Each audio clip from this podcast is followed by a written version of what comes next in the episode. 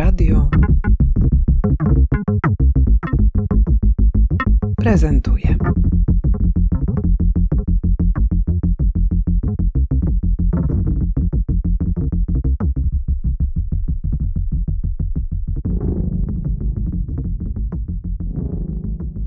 Prywatne i publiczne.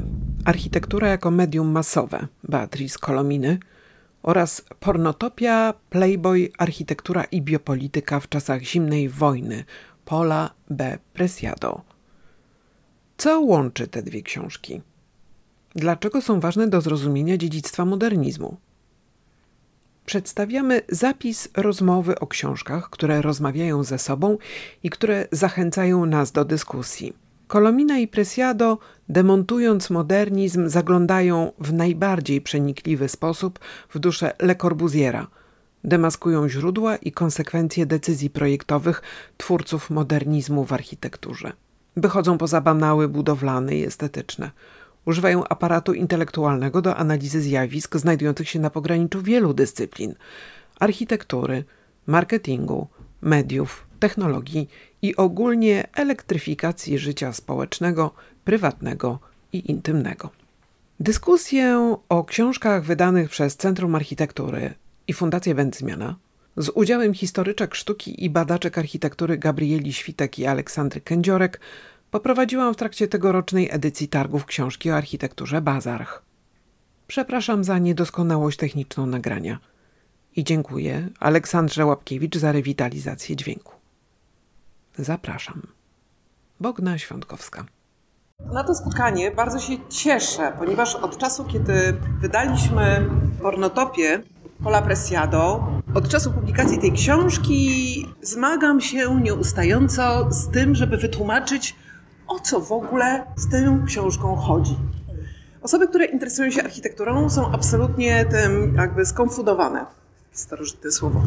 Osoby, które zajmują się twórczością Paula Presiado, również trochę nie wiedzą, dlaczego właściwie ten temat tak bardzo go zainteresował. I cała ta układanka zaczęła mieć sens dopiero wtedy, kiedy Centrum Architektury opublikowało prywatne i publiczne Architektura nowoczesna jako medium masowe Beatrice Kolominy. Zacznijmy nasze spotkanie od rozszyfrowania relacji towarzysko-uczelnianych między bohaterami, między autorami obu pozycji. Dlatego, że to ma duży wpływ na zrozumienie obu tych publikacji, a zwłaszcza pornotopii Presiado. Która z Was podejmie się zdeszyfrowania? Patrice Kolomina od wielu, wielu lat, najpierw na Uniwersytecie Columbia, a teraz na Uniwersytecie w Princeton, prowadzi taki program Media and Modernity, który jest y, taką szeroką ramą, w której ona funkcjonuje jako badaczka tak, od dłuższego czasu. Więc y, wpisuje się w to książka i Privacy and Publicity, czyli to prywatne i publiczne, ale też y, inne książki, które ona, ona pisze, ostatnio X-Ray Architecture, czyli takie, które gdzieś starają się zestawić e, nowoczesną architekturę z rozwojem mediów masowych i sprawdzić jakby jak, e, jak wzajemnie na siebie oddziaływały, jak architektura stawała się też takim medium masowym. I w ramach tego programu Paul Preciado pisał też doktorat który też z tego powodu prawdopodobnie, znaczy nie bez powodu się tam pewnie u niej znalazł i, i pewnie też e, nie bez powodu ją przywołuje wiele razy, tak, jako taki punkt, e, punkt odniesienia dla swoich badań, właśnie to, co, to, co pisała chociażby w książce prywatnej i publiczne, ale to też nie jest taka relacja jednostronna, tak, ponieważ e, Beatrice Kolomna jest też taką osobą, która często jakby nawiązuje do tego, co, co jej studenci robią, gdzieś ta piłeczka jest odbijana w obie strony i ona też później, jakby sądząc z chronologii, tak, jakby po Presiado podjęła temat sposobów reprezentacji architektury w magazynie Playboy e, i też zrobiła wystawę na ten temat w Chicago, ale też zgłębiła temat, który Presiado tam zarysowuje, czyli przestrzeni łóżka jako przestrzeni manifestacji politycznej na przykład, tak? I napisała świetny tekst, który był też przetłumaczony na polski, opublikowany w autoportrecie na temat łóżka jako przestrzeni medialnej. Więc te relacje są wymienne, tak? Gdzieś ta wiedza powstaje w relacji. Dodatkowo trzeba powiedzieć, że Paul Presiado, wtedy jeszcze przed tranzycją Beatrice Presiado, mhm. po prostu napisał tę książkę jako swoją pracę naukową, doktorat, którego opiekunką była właśnie Beatrice Kolomina. Więc tu tak naprawdę bardzo Was namawiam na odczytywanie obu tych publikacji jako pewien, pewien ciąg myślowy, zarysowany w sposób ogólny przez Kolominę, a rozwinięty szczegółowo przez Presiado. I wtedy następuje klik.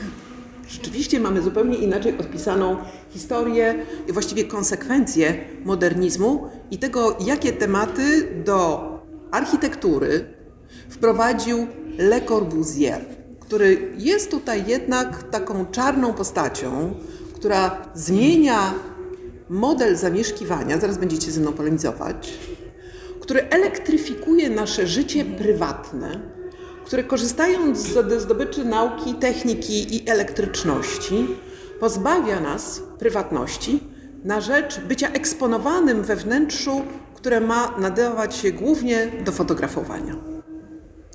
Jest to taka figura, która rozwinięta przez Hugh Hefnera, i tu wskakuje nam na scenę Playboy, i cała kultura związana ze zmianą stosunku do mieszkania przez mężczyzn w drugiej połowie XX wieku, jako właśnie taki efekt myślenia wprowadzonego przez Corbusiera. Ale zanim do tego dojdziemy, niech napięcie rośnie. Prywatne i publiczne. Zajmijmy się tą książką, dlatego że ja tutaj troszeczkę nadużywam tego wynikania jednej książki z drugiej. One oczywiście mogą być też czytane zupełnie samodzielnie. Skupmy się na Kolominie.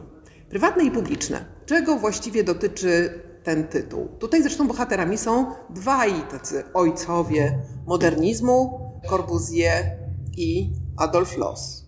No właśnie, też chciałam zacząć od tego, że to jest książka o dwóch bardzo wpływowych mężczyznach w świecie architektury. Więc pozornie wydawałoby się, że jest to, że mogłaby to być jeszcze jedna historia o architekturze modernizmu, pisana poprzez, tak jak już wspomniałaś, jej ojców, tak, założycieli, ale wiele z tych, wiele z tych założeń jest tutaj od razu podważanych. Po pierwsze, to prywatne i publiczne. To jest jedna z pierwszych książek, która sytuuje architekturę naprawdę w szerokim polu kultury, a nawet właśnie mass mediów, a nie jedynie, nie jest to historia architektury pisana z pozycji takich, e, powiedziałabym, XIX-wiecznych. Chociaż nie chodzi mi tutaj o takie nieustanne podważanie, nie wiem, osiągnięć XIX-wiecznej historii sztuki czy architektury, ale po prostu to jest e, jedna z pierwszych książek, która po pierwsze wprowadza ten nowy dyskurs do mówienia o modernizmie i o właściwie o tych samych y, wciąż bohaterach, ale w zupełnie inny sposób. A po drugie, y, kiedy sobie myślałam, znaczy myśmy nie rozmawiały, nie wymieniałyśmy się i nie, nie mówiłaś nam o co będziesz nas pytać, ale ja właściwie sobie pomyślałam też, co łączy te dwie książki. I mogłabym powiedzieć, że ta książka Kolominy, nad którą pracowała od lat 90. XX wieku, była takim pierwszym, powiedziałabym, metodologicznym uświadomieniem seksualnym historyków architektury. Dlatego, że oprócz tego, że tam są te dwie silne postacie mężczyzn, tam jest bardzo silnie wyeksponowany również wątek właśnie konsekwencji ich ich e, projektowania architektonicznego, na przykład też fetyszyzacji pewnych obrazów. Jeden z rozdziałów jest poświęcony, poświęcony fetyszyzacji i takiego zawłaszczania, na przykład autorstwa Eileen Gray. Więc to są już rzeczy takie znane, które później w tej. Ale są tutaj też takie rzeczy, które są przed nami przez Kolominę w sposób bardzo błyskotliwy odkrywane. Na przykład ona analizuje sposób, w jaki fotografowane były wnętrza budynków Le Corbusiera i pisze rzecz oczywistą, jak już później zaczniemy o tym myśleć, że w bardzo szczególny sposób umieszczana jest tam figura kobiety która jest czymś w rodzaju dodatku, a w dodatku jeszcze ta jej rola jest rozmyta, przez to, że często jej twarz y, jest niewidoczna, staje się obiektem, właściwie rzeczą, która dopełnia wnętrze. To jest już bardzo subtelne wejście w analizę pewnych y, skutków reprezentacji architektury. Myślę, że jakby takim jednym z wątków jest to, że ona analizuje fotografię Charlotte Perriot, która leży na szezlongu swego własnego projektu. Charlotte Perriot, która jest znowu dzisiaj absolutnie wydobywana z tego kręgu Le Corbusiera jako, jako architektka samodzielna, chociaż oczywiście jak najbardziej współpracująca przez długi okres czasu z, z Le Corbusierem i jego pracownią, ale Kolomina zwraca uwagę, że y, zdjęcia znane Charlotte Perriot leżącej na, na szezlongu są właściwie takim od, odpodmiotowieniem jej jako osoby, dlatego że ona, nie widać, ona odwraca twarz do, do ściany, prawda? To jest jeden z takich, z takich elementów. Natomiast jeszcze, to zresztą jakby ten, ten problem tych wątków nie dotyczy jedynie spoglądania na fotografię designu czy architektury, ale na przykład tego, w jaki sposób Kolomina wprowadza taki dyskurs genderowy do analizy przestrzeni, dlatego że jednym z wątków, których ja najbardziej lubiłam, zanim w ogóle ta książka została przetłumaczona, ale rzeczywiście od wielu lat używam, używałam jej na zajęciach też z metodologii, za naprawdę bardzo błyskotliwą obserwację i taką odświeżającą uważam porównanie Losa i Le Corbusiera pod względem tego, w jaki sposób projektowali przestrzenie. Los i jego ona porównuje część przestrzeni willi Losa, wnętrz Losa do loży teatralnej, która też kojarzy nam się na przykład z całym takim wątkiem tego, w jaki sposób na przykład kobiety jeszcze w malarstwie XIX-wiecznym były przedstawiane w loży teatralnej, albo te, które, którym towarzyszyły mężczyźni, ty towarzyszyli mężczyźni, albo te, które już w tej loży siedziały same i niezależne. To jest też wątek, który właśnie też... Jest... Ale skutkiem jest to, że życie w tych wnętrzach jest odgrywane, że ono się tam nie toczy. Ale na różne sposoby, bo właśnie tu, tutaj też y, u Losa jest odgrywane, znaczy to jest taka jakby scena teatralna, która czeka na wypełnienie życiem i tam ona zresztą wprowadza takie rozróżnienie właśnie, że ludzie zamieszkujący przestrzeń u Losa są aktorami teatralnymi, a ludzie zamieszkujący przestrzeń u Le Corbusiera są aktorami filmowymi, którzy się pojawiają w dowolnym tak. momencie, wchodzą, wychodzą i już ich nie ma, tak? I my ich nie dostrzegamy w tym, e, w tym czasie e, rzeczywistym, więc oni są tacy, tak, przechodzą właściwie, więc, e, więc tu też jest to istotne. To jest też ciekawe zestawienie pomiędzy właściwie architektami, którzy jednak należą do dwóch już różnych generacji, tak jakby wnętrza Losa były projektowane według pewnego modelu teatralnego, a, a wille, głównie Le Corbusiera, według modelu filmowego, jako tego nowego medium, i to jednym aspektem jest to, że my nie tylko jesteśmy aktorami w filmie, ale my jesteśmy według interpretacji Kolominy, jesteśmy też reżyserami pewnego widoku, czy też podlegamy widokowi, który wyreżyserował dla nas architekt. Bardzo lubię i to jest rzeczywiście bardzo mocna i obrazowa metafora, użyta właśnie przez, przez Kolominę, później powtarzana przez wielu badaczy, kiedy ona porównuje te wille wolnostojące losa, stojące w naturze, jako kamerę na statywie. I jakby my jako mieszkańcy jesteśmy niemalże w środku tej kamery, natomiast horyzontalne okno, które obiega, e, obiega taką willę, ona porównuje to, naprawdę uważam to za mocne porównanie do panoramowania kamerą filmową. To jest właśnie o, o medium, tak? O, o, zderzeniu nowego medium. Ja tylko dodam, że to jest bardzo też wątek, dlatego że Kolomina właśnie w latach 90. jako też jedna z pierwszych poruszyła to nie jest książka o architekturze i filmie, bo takich studiów jest bardzo wiele, ale należy pamiętać, że architektura tego modernizmu lat drugiej połowy lat 20. i lat 30. naprawdę zdobyła taką popularność jako pewien rodzaj nie wiem, egzemplifikacji nowego statusu społecznego, nie dzięki temu, że, że przecież kogo było stać na modernistyczną willę, niewielu. Natomiast wszystkich było stać na to, żeby pójść do kina i obejrzeć filmy o architekturze modernistycznej, czy dziejące się w takiej scenerii. Stąd też Kolomina, uwypuklując na przykład nie tylko fotografię, ale na przykład film z 1929 roku z architektury Aujourd'hui, który jakby ten film jest, miał pokazać charakterystyczną przestrzeń dla, dla, dla willi Le Corbusiera. Tym, co powiedziałaś, jest coś bardzo istotnego. To znaczy, że w architekturze losa to osoba zamieszkująca jest okiem obserwującym. Natomiast u I... Corbusiera i obserwowanym. I obserwowanym, bo to jest, to jest właściwie, bo według Kolominy to jest u Losa, to jest właściwie kobieta, która mhm. zajmuje tę lożę, tą mhm. tak zwaną lożę teatralną. Obserwacji. Natomiast u Corbusiera, jak to jest u niego? Bo tam jest to jeszcze, jeszcze ciekawiej. Kto tam kogo podgląda, kto tam kogo obserwuje.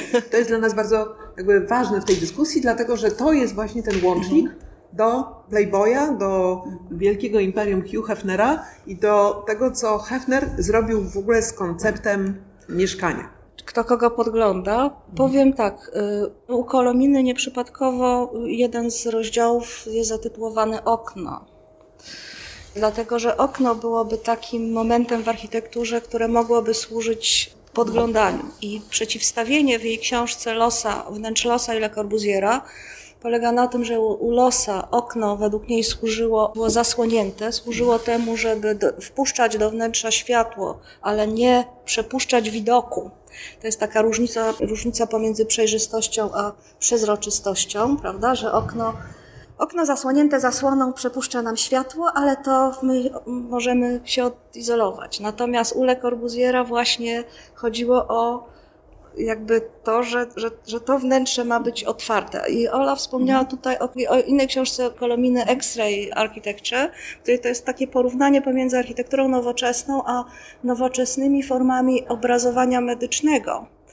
Bardzo ciekawy splot, dlatego że ona też uważa, że na przykład postulaty modernistyczne higieny były powiązane z, jakby z metodą prześwietlania płuc, które, żeby zapobiec gruźlicy i tak dalej, i tak dalej to Le Corbusier używał na przykład takiego sformułowania, że stare kamienice to jak stary zagruździczony powóz, więc to jest bardzo trafna jakby metafora. Ale chodzi mi również o to, że, że to prześwietlenie, to znaczy to, że nagle wszystko staje się widoczne, prawda? I okno spełnia e, takie znaczy, też okno horyzontalne też jest trochę inną formułą, dlatego że Kolomina pisze o bardzo znanym takim wątku architektonicznym, różnicą pomiędzy taką tradycją e, Augusta Pereta, czyli porte fenêtre, czyli to takie okno jak, jak, jak drzwi, które się jakby otwierają do środka, które, które w jakiś sposób określają nam taki pejzaż, nie wiem, miejski, powiedzmy Paryża,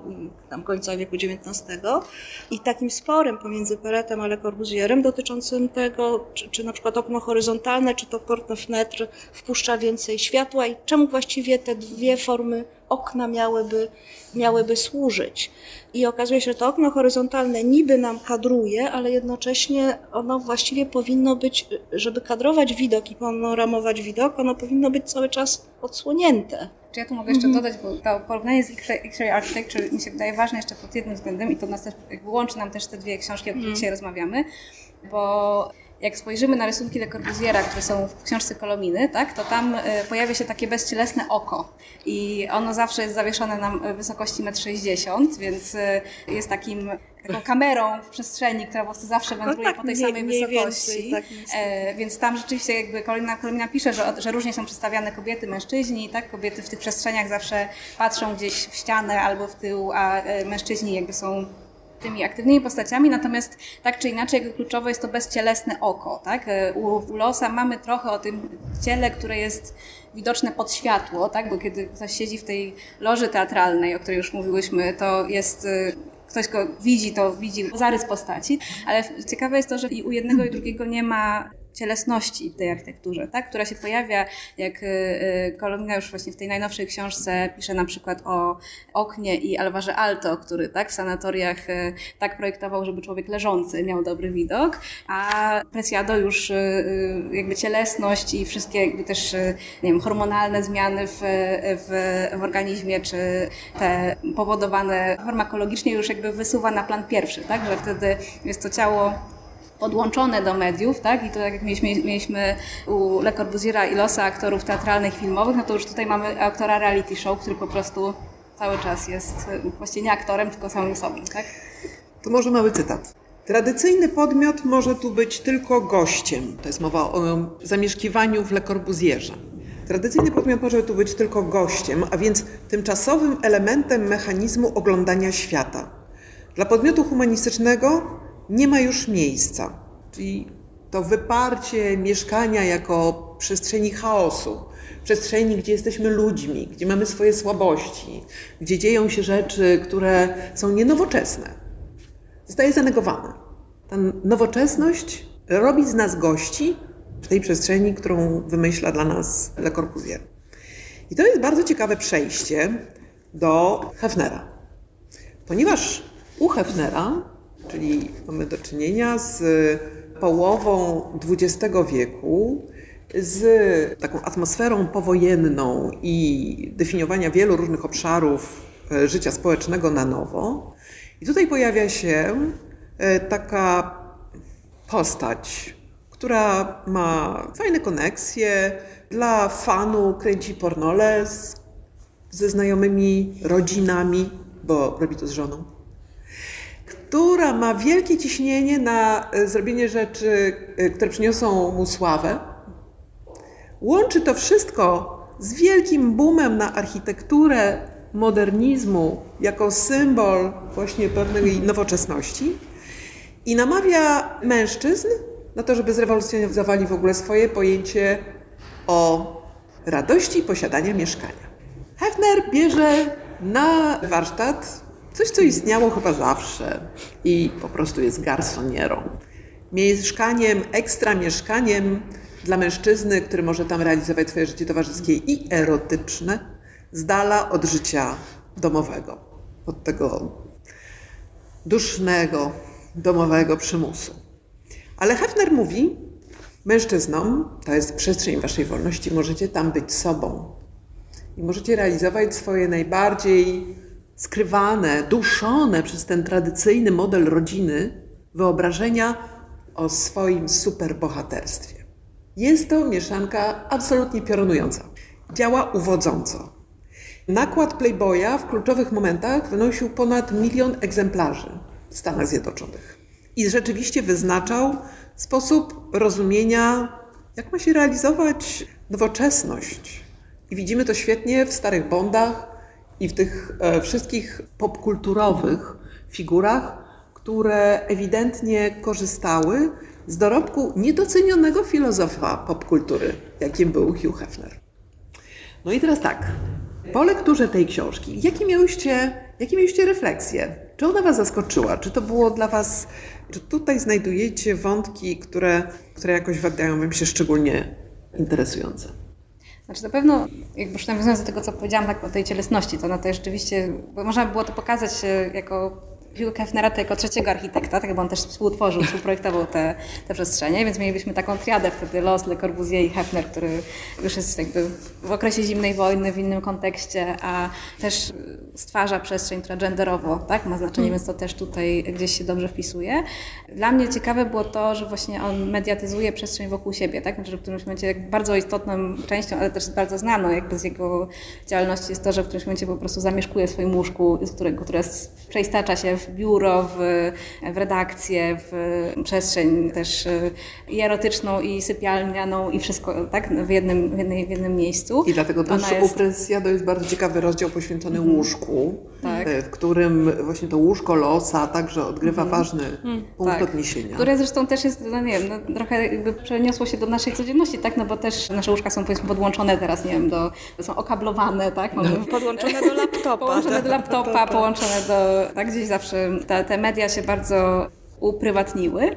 Natomiast y, to, co mi się wydaje, y, bo tak zastanawiałam się, jakby, kto byłby następny, tak? No bo jakby z czym się teraz mierzymy, no bo też to są, Kolumna jest książką sprzed 30 lat, y, Presjado sprzed kilku, tak? Więc ale jakby... Kilkunastu, kilkunastu właśnie. 13 Więc zastanawiałam się, jakby co by było teraz i jakbyśmy do tego podeszli i jednym z takich tematów jest, nie wiem, na przykład projektowanie architektury w metaversie, i wydaje mi się, że y, jakby patrząc na, na, te, na tą triadę architektów i to, że właśnie u Losa, u y, Le Corbusiera to, to są opowieści właściwie bezcielesne, to to, że Presiado wprowadza to ciało, które jest też y, właśnie mm, hormonami, tak? Mówi tam o farmakopornografii, tak? Więc też jest ten aspekt chemiczny, tak? To, że gdybyśmy teraz chcieli opowiadać o metaversie i szukać jakiś, może za jakieś, nie wiem, 10-20 lat kolejnego architekta, który byśmy czy architekcie, który byśmy e, tak e, jakby, jakby dalej pociągnęli tą, tą opowieść, to już byśmy nie zignorowali tego ciała, które po prostu tak, że na przykład właśnie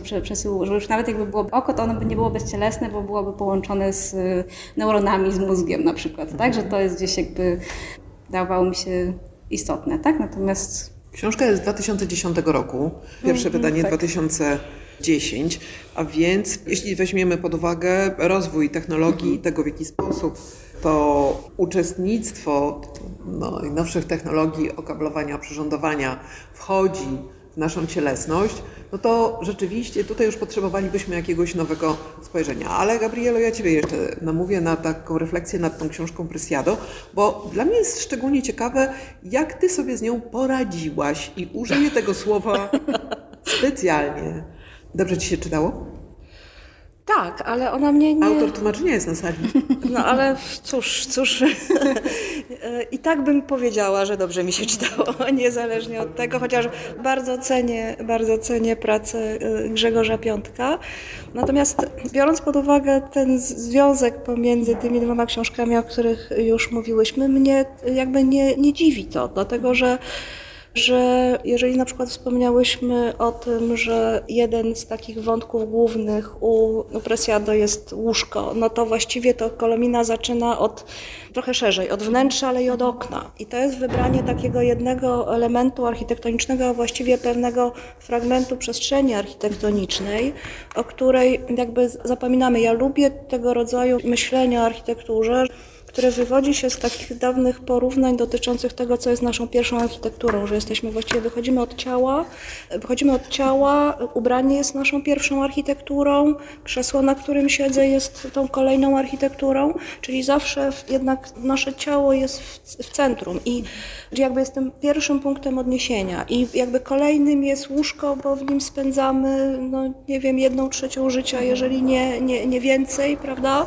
W związku z tym każdy kolejna, każdy kolejny przedmiot w naszym najbliższym otoczeniu jest tym naszym dodatkowym ubraniem, więc pod tym względem jakby rozumiem tą sekwencję, tylko to jest też sekwencja, o której ja myślę absolutnie pamiętają architekci, chociaż nie zawsze może akurat w ten sposób to wyrażają, ale bardzo często też wyrażają to, to chociażby artyści, na przykład performerzy, którzy mają dokładnie taką jakby świadomość panowania nad przestrzenią. Druga rzecz, która też jakby mnie nie zaskoczyła, to jest kwestia tego, wspomniałaś o, o nakładzie Playboya, u Kolominy pojawia się wątek, y, który wydaje mi się jest właśnie kontynuacją, dlatego że y, książka Kolominy jest, co jest dla niej tymi mediami w, w latach dwudziestych, na przykład prasa czy wystawy architektury. Ja na przykład byłam zupełnie zszokowana tym, że, że wystawa, wystawa architektury stylu międzynarodowego była wystawą pokazywaną nie tylko w, w instytucjach kultury, ale ona podróżowała po domach towarowych i była przeznaczona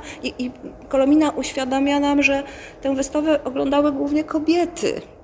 W związku z tym to pożądanie, wydaje mi się, że, że te, te dwie książki łączy również taki, taki, taki motyw pożądania, ale zarówno pożądania jakby kobiecego, ale także męskiego. I to jest jakby takie dla mnie lustrzane odbicie, dlatego że okazuje się, że w tym, jeżeli w książce Kolominy Le Corbusier jest ukazany jako absolutny mistrz reklamy, autoreklamy, marketingu i ona jest szokowana. I ceni... Tak, tak, tak. I, y, ale też jakby wchodzi, na przykład y, ona opisuje to, w jaki sposób on wykłada w Ameryce, prawda? Książka, która też jest wydana przez Centrum Architektury, kiedy katedry były białe, jest to zapis jego, jego wykładów amerykańskich, ale się okazuje, że też te wykłady były, ich celem nie, nie było, że tak powiem, jedynie publiczność, nie wiem, akademicka, tylko jak najbardziej popularyzowanie popularyzowanie jakby tego stylu już wtedy nazywanego w Stanach Zjednoczonych stylem międzynarodowym. Ja bym powiedziała, że to jest, że te media i to publicity w tytule, w tytule Kolominy to jest właściwie także taki analiza wzbudzania pożądania, powiedziałabym, a, a tym przedmiotem pożądania jest nowoczesność architektury. Miałam nadzieję, że powiesz, że Presiado szarżuje. To ja bym odwróciła pytanie, to dlaczego zadajesz mi pytanie, ale ja bym chciała, żebyś ty na nie w takim razie odpowiedziała, w których momentach według ciebie on szarżuje. Wydaje mi się, że tutaj warto powiedzieć, że Kolomina mm, jakby miała duży wpływ na Presiado, który znany jest dzisiaj jako filozof takiego wyzwolenia antybinarnego człowieczeństwa. Jego działalność i ta publicystyczna, i właściwie no, mm, on bardzo precyzyjnie dozuje swoją obecność w różnych projektach, ponieważ wydaje mi się, że dąży do określonego celu. I tym celem, nie wiem, może nie powinnam mm, tutaj jakoś na ten temat konfabulować, ale powiem Wam, co sobie pomyślałam o tej książce, że Preciado pisząc ją, jeszcze wtedy jako Beatrice, czyli Beatrice pisze książkę u Beatrice, pisze doktorat u Beatrice, docieka istoty męskości w XX wieku, ponieważ to jest coś, co bardzo ją interesuje, jako osobę niebinarną, jako osobę, która próbuje zrozumieć źródła rozmaitych napięć, frustracji i nieszczęść, y, które tak dobrze opisuje w swoich tekstach. Bierze na warsztat tego Hefnera nie tylko po to, żeby opisać ciekawe zjawisko antropologiczne, nie tylko po to, żeby odnieść się do jakiegoś wątku z tekstów swojej wykładowczyni, ale również po to, żeby samej przepracować pewien temat, którym jest męskość, definicja męskości w XX wieku. I ja czuję się w pornotopii zabrana w podróż przez Beatrice przed tranzycją w zrozumienie tego, czym jest męskość. Do tego służy jej, wtedy jeszcze jej, architektura ten Hefner, no, który po prostu jest wymarzonym materiałem do tego, żeby posługiwać się ustereotypizowaną męskością jako nową formułą bohatera w świecie, w którym jest już równouprawnienie kobiet, w którym następują ogromne przemiany obyczajowe, w którym pozycja mężczyzny, taka jaką znaliśmy z XIX wieku, bezpowrotnie się rozmywa. Nie znika, ale rozmywa. Więc ja widzę tu, w tej książce, pewną pracę, którą wykonujemy razem z nią, dzisiaj z nim, nad zrozumieniem relacji mhm. które według Presiado niebinarnym świecie powinniśmy zupełnie na nowo ujrzeć i architektura jest tym narzędziem, a nie celem. Nie, wiecie, nie jest ostateczną sytuacją. A więc wykorzystuje ją do swoich celów.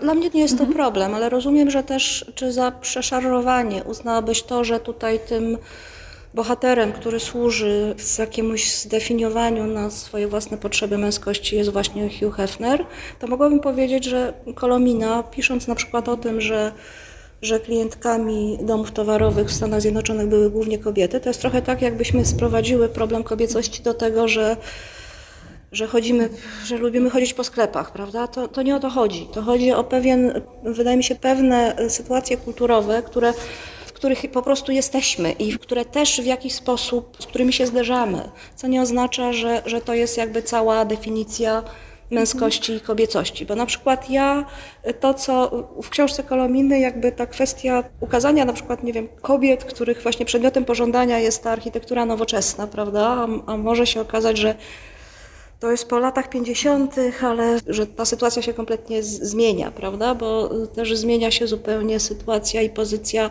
kobiet nawet w Stanach Zjednoczonych pomiędzy czasami wojennymi, kiedy one naprawdę pracowały i, i miały jakby no też sytuacja historyczna była taka, że uprawiały po prostu wszystkie tak zwane męskie zawody do lat 50., w których mamy cały obszar taki również, którym kulturowo one znowu są sprowadzone do roli gospodyń domowych bo taki mamy obraz kulturowy, co nie znaczy, że jest to trafny opis, nie wiem, kobiecości. A poza tym, y, jeżeli używamy takich kategorii, to wydaje mi się, że Presiado właśnie z racji też swojej historii i przeżyć, które opisywał i, i też dotyczących jego ciała, y, myślę, że właśnie to jest ten problem y, wybrania jakby stereotypowego bohatera na to, żeby, żeby pokazać, podważyć właśnie taką tradycyjną, dosyć taką sztampową myślenie o, bina, o binarnych relacjach. I to też pozwala mu zwrócić uwagę na coś, co, na co inni badacze by nie zwrócili uwagi, tak? No bo na przykład to samo to, że pisze o farmakopornografii, wynika z tego, że po prostu był wtedy w trakcie tranzycji, więc jakby też y, miał większą świadomość tego, niż ktoś tego, kto tego nie przechodzi. Więc mi się wydaje, że taki zaangażowany, takie zaangażowane badanie jakby nie jest, y, nie jest problematyczne. Bardziej się tam zmagał, o czym też pisze na samym początku, mm. tak, z tym, żeby w ogóle zawiesić wszelkie osądy jakiekolwiek. Znaczy, a, to... a, poza tym to jest też dla mnie to, co jest ważne, to znaczy to jest taki powrót do wnętrza, to znaczy pod wieloma względami, to znaczy powrót do wnętrza na, nawet na poziomie, powiedziałabym, komórkowym, organicznym, ale także powrót do wnętrza, jeżeli na przykład dla mnie symbolem tej książki to rzeczywiście staje się łóżko, prawda? E, które jakby to jest trochę tak jakby... Mamy też taki kulturowy obraz Hugh Hefnera jako tego, który rzeczywiście e, nie wychodzi z wnętrza, bo nie wychodzi właściwie z tego łóżka, czy jest w ten sposób pokazywany.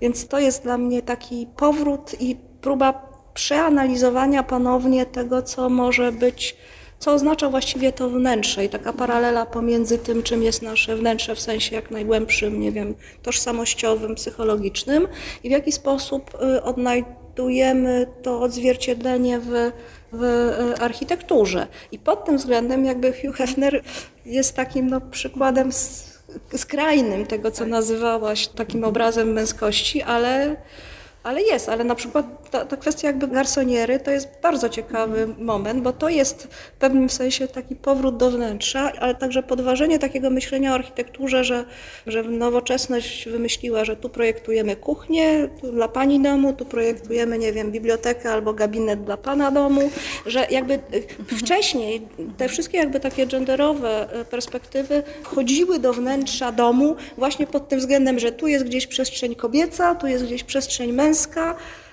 A, a właśnie, pisze no właśnie. o przestrzeni, w której kobieta no wchodzi, ale tylko po to, żeby wyjść.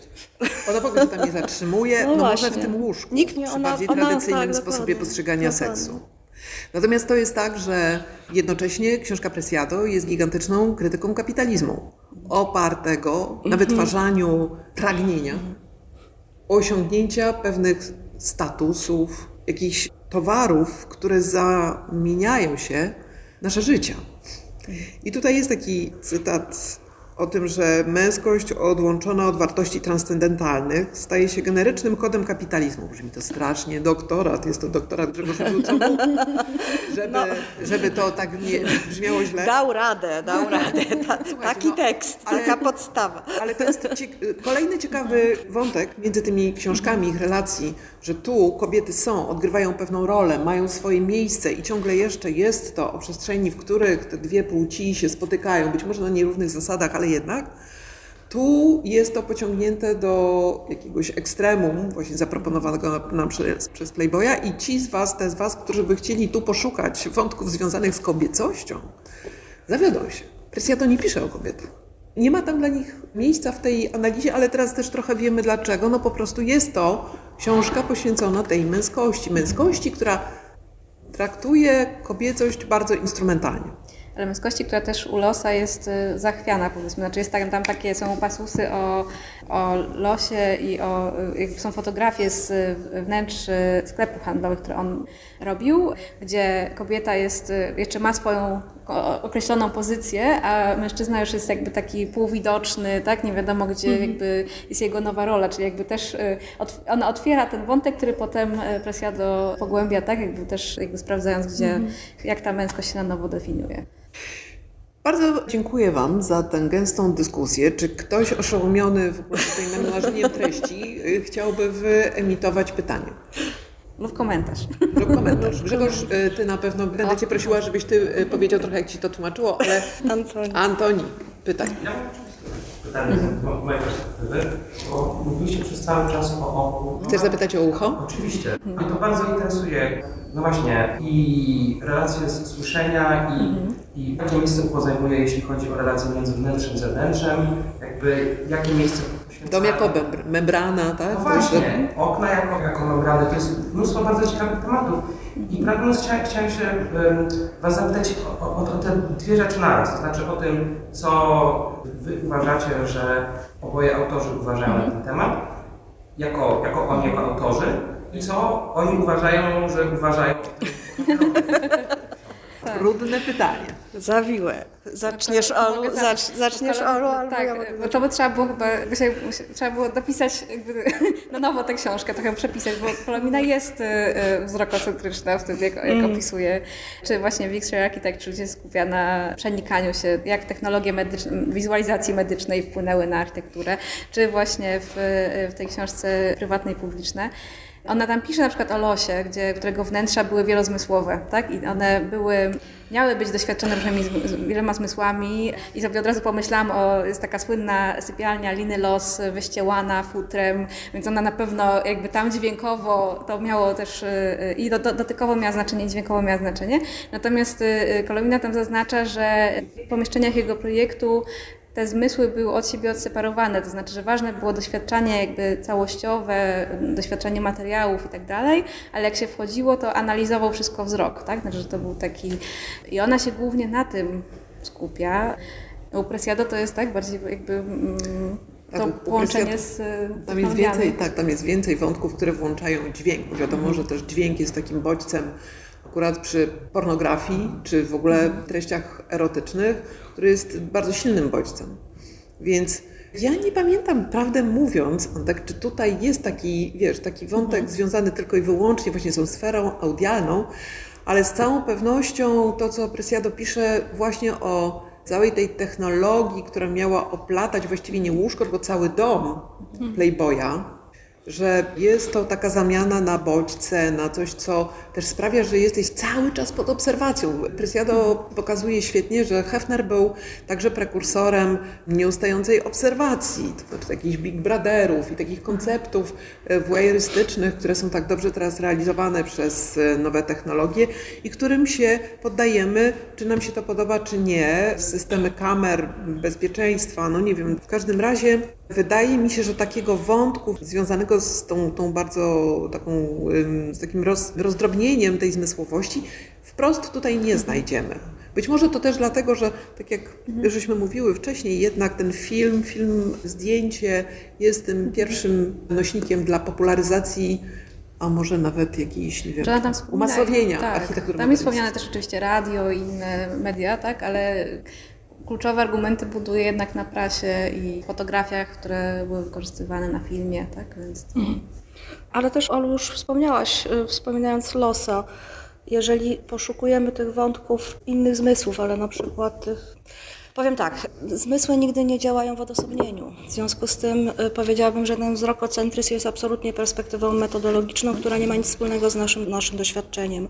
Każdy zmysł działa zawsze wielorako. Żeby coś posmakować, musisz tego dotknąć językiem, prawda? Żeby, żeby, żeby coś zobaczyć, tak naprawdę jednocześnie musisz usytuować swoje oczy tak, żeby wyłapać kierunek i sens, czyli jest to powiązane ze zmysłem równowagi.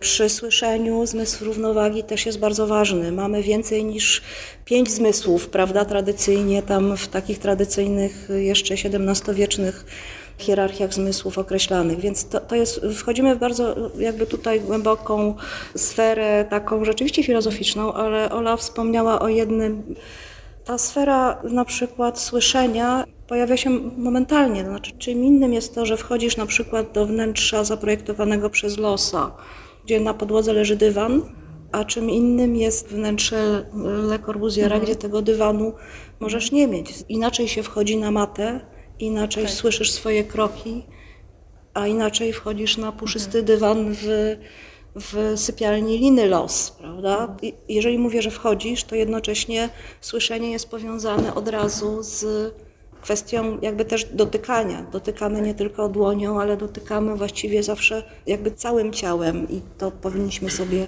chyba też uświadamiać. Więc takich wątków Kolomina rzeczywiście nie, nie pisze o tym wprost, ale na przykład jeżeli weźmiemy pod uwagę tę, tę refleksję, której, ten rozdział, o którym ona mówi o oknie. Niby okno jest do patrzenia, ale okno jest także do wpuszczania światła, do kadrowania widoku, ale do czego jeszcze? Do przepływu powietrza. A jeżeli wpuszczasz powietrze, to jest pytanie, jak się otwiera horyzontalne okno, a jaka jest różnica pomiędzy otwieraniem fragmentu horyzontalnego okna, jakie dźwięki do środka wpuszczasz. Jeżeli piszę o willi, która stoi, stoi, y, przepraszam, nie w mieście, tylko w środku natury, no to powiem tak, możesz sobie wyobrazić, że po pierwsze chciałbyś, żeby to okno horyzontalne się otwierało i żeby nie tylko kadrowało widok, tylko żeby wchodziły do niego odgłosy natury tak zwane i także zapachy, prawda, żeby, nie wiem, pachniała świeża trawa. A czym innym jest otwarcie, no właśnie, możemy sobie wyobrazić y, to, w jaki sposób otwierało się okno. No można sobie to wyobrazić, nie wiem, willa w Pradze jest po remoncie, prawda, po konserwacji. Więc y, jak się otwiera okno w willi miejskiej, prawda, i jaką całą audiowizualną sferę masz y, tutaj, to, to sugeruje, prawda? To samo wystarczy, wydaje mi się, że z tego otwarcia okna. A co do, jeszcze a propos Hefnera, no właśnie, to jest kwestia tego, czym jest garsoniera. Ja się pytam, czy w garsonierze potrzebne jest okno? I komu jest potrzebne? I, no właśnie. W garsonierze niepotrzebne jest okno. W związku z tym to świadczy o tym, że właściwie jesteś wbudowany w przestrzeń, jest zbudowana dla ciebie przestrzeń, która jest takim wyciszonym futerałem. Grzegorz.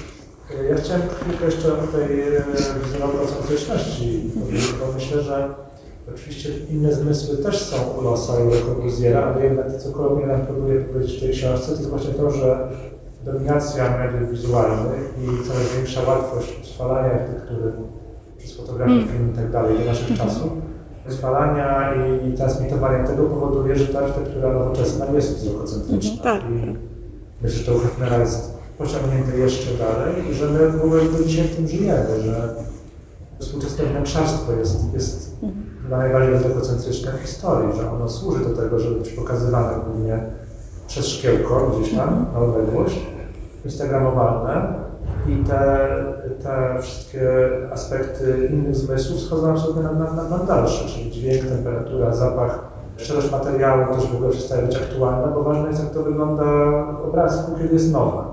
A też, też ten upływ czasu ma mniejsze znaczenie. Wszystko powinno być jakieś takie nowe, świeżo ukończone i dobrze wyglądać w obrazku. Także już dochodzimy do jakiegoś takiego nasycenia tym, które zaczęło się w czasach Corbusiera i Losa, w czasach początku tej, tej właśnie łatwości utrwalania obrazu.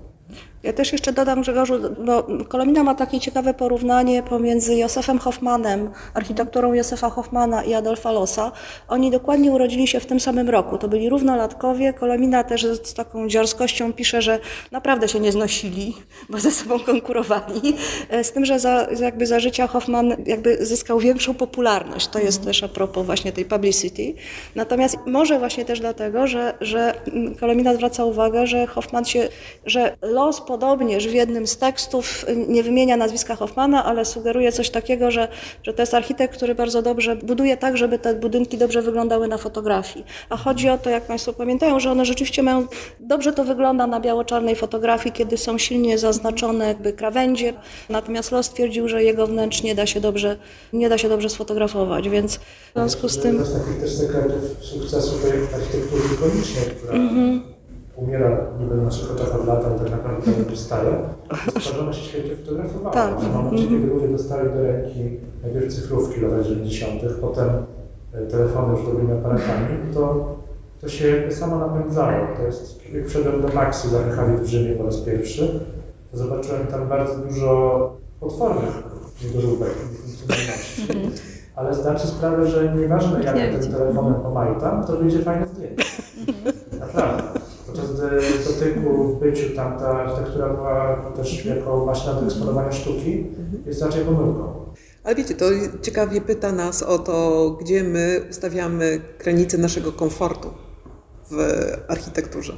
Znaczy ja myślę, że znosimy dużo dyskomfortu we wnętrzach Żeby ładnie wyglądało.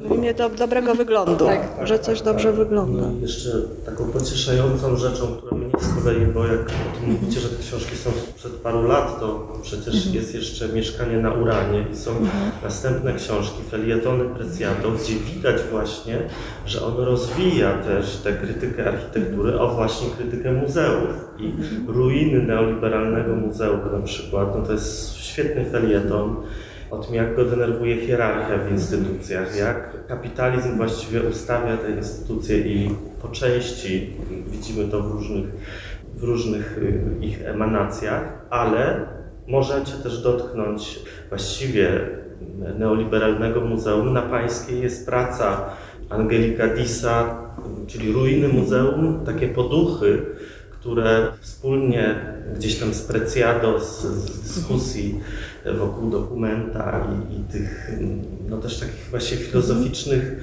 rozmyślań o tym, co jest nie tak w tym całym systemie kultury, instytucji, po części dzisiejszej dyskusji o tym teatrze, prawda? Co się dzieje nie tak? Gdzieś tam te, ta praca to oddaje. Właśnie ruiny, ruiny neoliberalnego muzeum, którego no, głównym problemem są takie właśnie neoliberalne hierarchie. Ale przenosicie ją do nowego budynku. Tak, mam nadzieję właśnie, że tak ona też jest w naszej kolekcji, ale co jest ciekawe też, właśnie ta para, grecki artysta i Preciado, prosili, żeby pieniądze, które musimy, jakieś śmieszne pieniądze, które musieliśmy zapłacić za tę pracę, żeby zostały przekazane na organizację LGBT w Polsce. Także to jest Tak. Gratulacje. Tak, tak, tak. To było intensywne, intensywna godzinka, za którą Wam bardzo dziękujemy. Czytajcie Presiado, czytajcie Kolominę. Z tego wychodzą fajne, ciekawe rzeczy. Dziękujemy bardzo.